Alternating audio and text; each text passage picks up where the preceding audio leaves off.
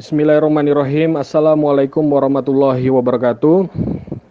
Salam sejahtera untuk kita semua. Semoga kita senantiasa berada dalam lindungan Allah Subhanahu wa taala dan juga semoga kita terhindar dari wabah virus COVID-19 yang hari ini menjangkit bangsa Indonesia dan bangsa dunia pada umumnya. Teman-teman yang berbahagia, pada kesempatan kali ini saya ingin mencoba untuk mengkaji dan merespon isu yang berkaitan dengan pembebasan narapidana dan anak yang dilakukan oleh pemerintah. Dalam hal ini khususnya Kementerian Hukum dan HAM dalam rangka penanggulangan dan pencegahan wabah virus COVID-19 di Indonesia. Pertama-tama yang ingin saya sampaikan adalah bahwa latar belakang kebijakan pembebasan narapidana yang dilakukan oleh pemerintah adalah karena adanya rekomendasi yang disampaikan oleh WHO dan juga Aliansi Masyarakat Sipil atau LSM yang menginginkan adanya pembebasan darurat terhadap narapidana di Indonesia di tengah masa pandemi untuk melindungi hak asasi manusia bagi narapidana. Nah, salah satu LSM yang kemudian menyampaikan rekomendasi kepada pemerintah tersebut adalah ICCR atau Institute for Criminal Justice Reform. Nah, beberapa alasan yang kemudian disampaikan oleh ICCR dalam mendorong pemerintah dalam melakukan pembebasan darurat adalah yang pertama, bahwa karakter virus COVID-19 yang mudah tersebar melalui tetesan.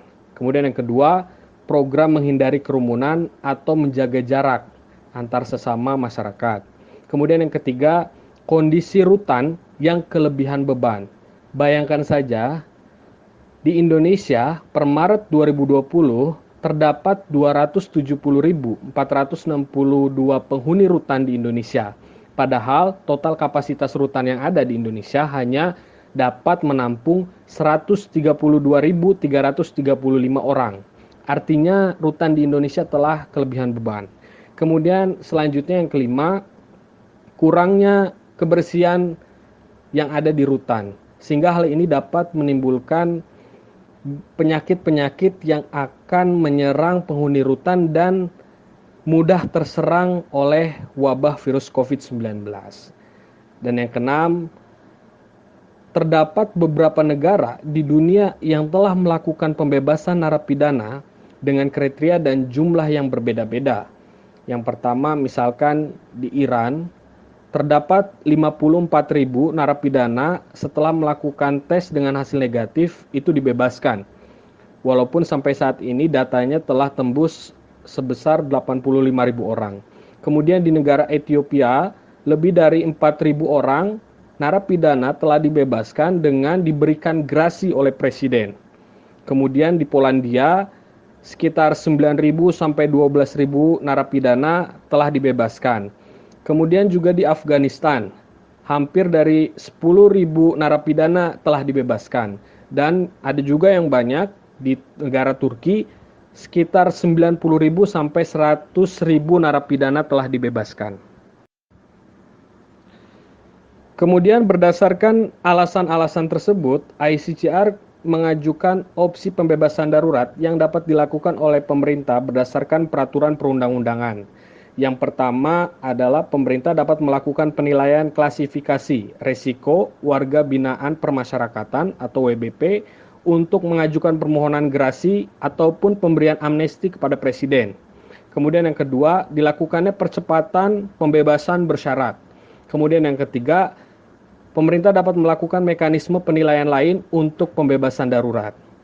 Pada opsi-opsi yang telah disebutkan tersebut, dalam opsi pertama terkait dengan penilaian klasifikasi resiko WBP, hal ini dilakukan oleh lapas atau litmas.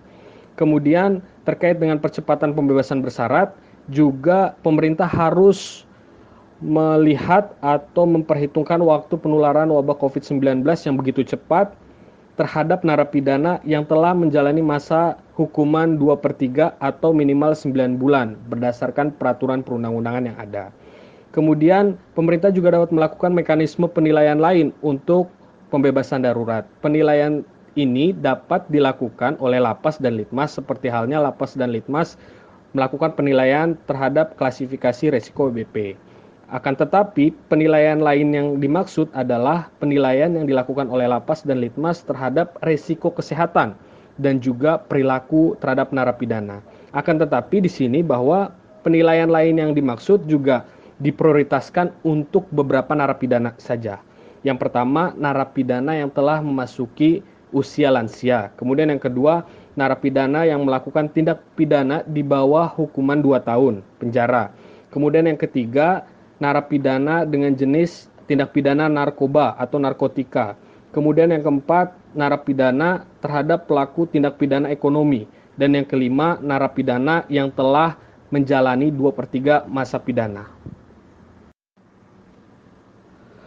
Kemudian setelah adanya rekomendasi dari LSM dan juga WHO terkait dengan dorongan untuk dilakukan pembebasan darurat terhadap napi di tengah masa pandemi ini, pemerintah menyambut baik rekomendasi-rekomendasi tersebut, bahkan sempat terjadi perdebatan di publik dikarenakan pemerintah juga ingin melakukan pembebasan terhadap narapidana korupsi.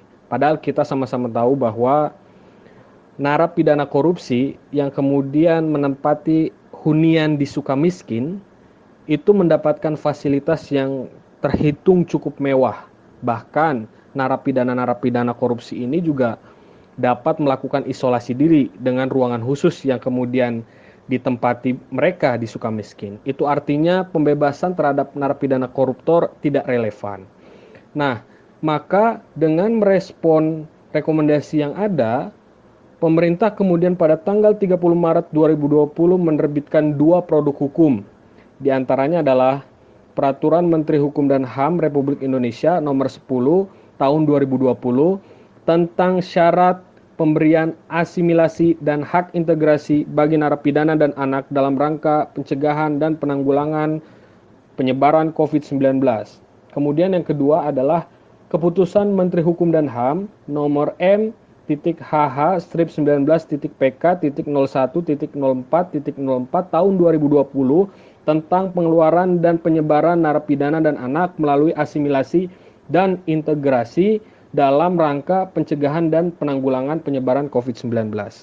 Artinya, dua produk hukum yang kemudian diterbitkan oleh pemerintah ini tidak serta-merta kemudian membebaskan narapidana dengan seutuhnya.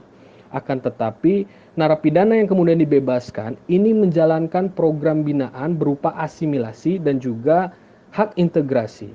Nah, dalam peraturan Menteri Hukum dan HAM nomor 10 tahun 2020 itu sendiri, dijelaskan bahwa yang dimaksud dengan asimilasi adalah proses pembinaan narapidana dan anak yang dilaksanakan dengan membaurkan narapidana dan anak dalam kehidupan masyarakat. Kemudian yang dimaksud dengan hak integrasi adalah pembebasan bersyarat, cuti menjelang bebas, dan cuti bersyarat yang merupakan program pembinaan untuk mengintegrasikan narapidana dan anak ke dalam kehidupan masyarakat. Nah, pada peraturan Menteri Hukum dan HAM 10 2020 ini juga disebutkan bahwa yang menjadi pembina dan pengawas secara teknis terhadap napi yang mendapatkan asimilasi dan juga hak integrasi adalah Balai Permasyarakatan atau disingkat dengan BAPAS. Pada dasarnya, dua produk hukum yang kemudian diterbitkan oleh Kementerian Hukum dan HAM juga harus dipenuhi bagi narapidana-narapidana yang memenuhi syarat mendapatkan program asimilasi dan program hak integrasi. Nah, untuk program asimilasi ini dilaksanakan di rumah dengan pertimbangan dan pengawasan yang dilakukan oleh BAPAS atau Balai Permasyarakatan. Artinya, mereka narapidana yang kemudian memenuhi syarat mendapatkan program asimilasi ini harus melakukan isolasi diri di rumah sebelum para napi ini kemudian mendapatkan kebebasan yang utuh di dalam kehidupan masyarakat. Nah, ada beberapa syarat-syarat untuk narapidana kemudian mendapatkan program asimilasi ini. Yang pertama adalah harus berkelakuan baik selama di rutan. Kemudian aktif mengikuti program pembinaan.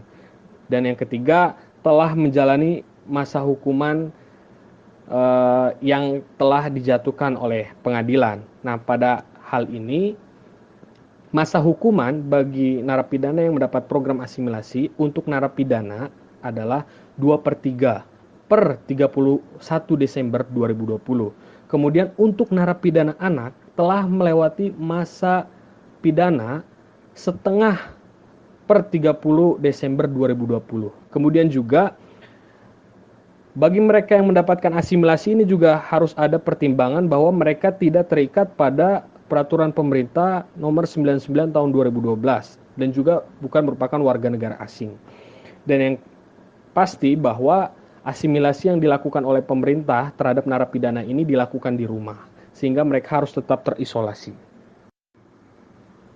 Selanjutnya berkaitan dengan hak integrasi yang dapat diberikan terhadap narapidana berdasarkan peraturan Menteri Hukum dan HAM nomor 10 tahun 2020 ini tidak berbeda jauh dengan pemberian asimilasi atau syarat-syarat narapidana yang dapat e, mendapatkan asimilasi yaitu di antaranya adalah mereka yang telah berkelakuan baik selama di rutan, kemudian mereka yang kemudian aktif mengikuti program pembinaan dan mereka juga yang telah melewati masa pidana yang telah dijatuhkan oleh pengadilan.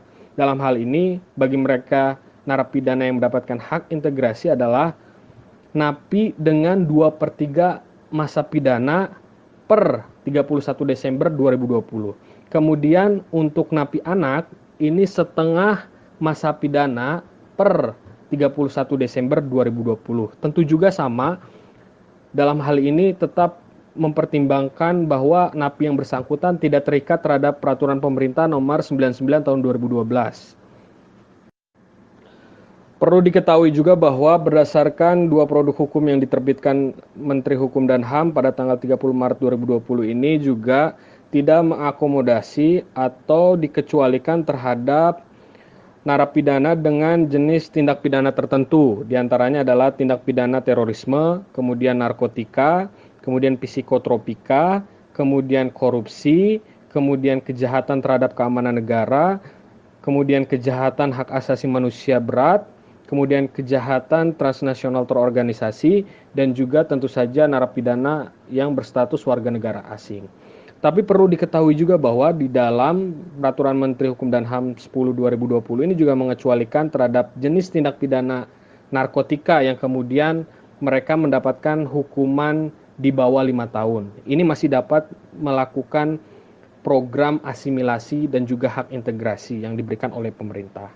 Nah, sebetulnya sebelum tanggal 30 Maret 2020, Menteri Hukum dan HAM juga kemudian telah melakukan tindakan dalam pencegahan dan penanggulangan COVID-19 di rutan dalam rangka melindungi hak asasi manusia para narapidana dengan menerbitkan surat Menteri Hukum dan HAM nomor M.HH titik PK titik 01 titik 01 titik 01 strip 04 tahun 2020 tentang penundaan sementara pengiriman tahanan ke rutan atau lapas di lingkungan Kementerian Hukum dan HAM sebagai upaya pencegahan penyebaran COVID-19. Selanjutnya, setelah kita mengetahui latar belakang adanya kebijakan pembebasan narapidana di tengah masa pandemi dan juga penerapan hukum yang dilakukan oleh pemerintah dalam melakukan pembebasan narapidana dan anak berdasarkan peraturan perundang-undangan. Kemudian pertanyaan yang muncul adalah apakah dengan dilakukannya pembebasan narapidana dan anak sebesar 30 ribu yang kita ketahui bahkan lebih di dalam masyarakat menimbulkan problem tersendiri atau apakah para narapidana yang kemudian mendapatkan program asimilasi dan juga hak integrasi ini melakukan tindak pidana kembali. Berdasarkan data rilis yang kemudian muncul per April tanggal 21 2020 disebutkan bahwa angka pengulangan pada napi yang dibebaskan sebesar 0,07 persen. Itu artinya bahwa memang tidak bisa ditutup kemungkinan bahwa para napi yang kemudian dibebaskan ini tidak melakukan tindak pidana. Akan tetapi dengan angka yang kemudian ditunjukkan ini bahwa napi-napi yang kemudian mendapatkan program asimilasi dan juga hak integrasi ini cenderung e, memunculkan angka yang sangat kecil bagi mereka yang kemudian mengulangi perbuatannya di tengah-tengah masyarakat dalam masa COVID-19 ini. Selain itu, yang kita ketahui bersama-sama bahwa pemerintah juga telah melakukan berbagai metode dalam melakukan pembinaan dan pengawasan kepada napi yang kemudian mendapatkan hak asimilasi dan juga hak integrasi yang dibebaskan di tengah-tengah masa pandemi. Misalkan Bapas melakukan uh, pengawasan secara virtual bagi mereka yang kemudian berada di bawah pengawasan Balai Permasyarakatan. Itu artinya bahwa berbagai upaya juga telah dilahirkan oleh pemerintah untuk meminimalisir kemungkinan-kemungkinan pengulangan tindak pidana yang dilakukan oleh masyarakat. Di sisi lain juga disebutkan bahwa mereka yang mendapatkan asimilasi dan juga hak integrasi ini adalah setelah memenuhi syarat bahwa mereka ini berkelakuan baik selama di rutan dan juga aktif mengikuti program pembinaan. Artinya proses rehabilitasi atau proses penghukuman yang kemudian telah dilewati oleh para napi yang mendapatkan asimilasi dan hak integrasi ini cenderung efektif dan kemudian memunculkan data yang sangat sedikit dibandingkan uh, terhadap mereka yang kemudian mengulangi perbuatan tindak pidana pada kondisi normal, tidak sedang menjalani masa asimilasi ataupun hak integrasi. Pada kesempatan ini juga ingin saya sampaikan bahwa bagi masyarakat ataupun aliansi masyarakat sipil, LSM, organisasi gerakan dan lain sebagainya yang kemudian tidak sepakat dengan kebijakan pembebasan narapidana dan anak di tengah masa pandemi ini, sejatinya dapat melakukan tindakan-tindakan hukum yang kemudian uh, bertujuan untuk mengkritisi tindakan yang dilakukan oleh Kementerian Hukum dan HAM. Misalnya, teman-teman dapat melakukan uji materi terhadap Peraturan Menteri Hukum dan HAM nomor 10 tahun 2020 tentang pembebasan asimilasi dan juga hak integrasi dalam rangka penanggulangan wabah COVID-19 dengan mengajukan uji materi ke Mahkamah Agung berdasarkan batu uji misalkan peraturan perundang-undangan dalam hal ini undang-undang tentang lembaga permasyarakatan tahun 95. Kemudian terkait dengan keputusan Menteri Hukum dan HAM yang kemudian juga dikeluarkan berbarengan pada tanggal 30 Maret. Ini juga dapat dijadikan objek sengketa di uh, Pengadilan Tata Usaha Negara.